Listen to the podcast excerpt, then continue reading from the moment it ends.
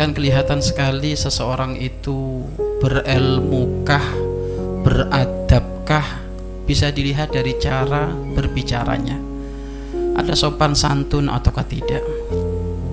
Sebelum berbicara direnungi ataukah tidak?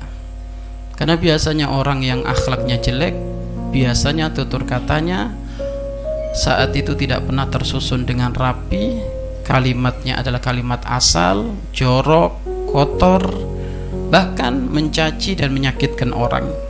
Maka ini termasuk adalah kalimat-kalimat yang tidak layak dan pantas untuk dilakukan oleh seorang santri. Santri itu adalah cenderung dengan kalimat-kalimat yang indah, kalimat-kalimat yang mulia, bahkan tutur katanya pun pilihan-pilihan. Siapa pun yang mendengar itu terasa enak, sejuk, adem. Tapi kalau ada santri tutur katanya adalah rusak, amburadul, maka dia bukan santri. Sebaliknya, dia adalah orang yang tidak layak dinisbatkan kepada sambung kepada Rasulullah Shallallahu Alaihi Wasallam.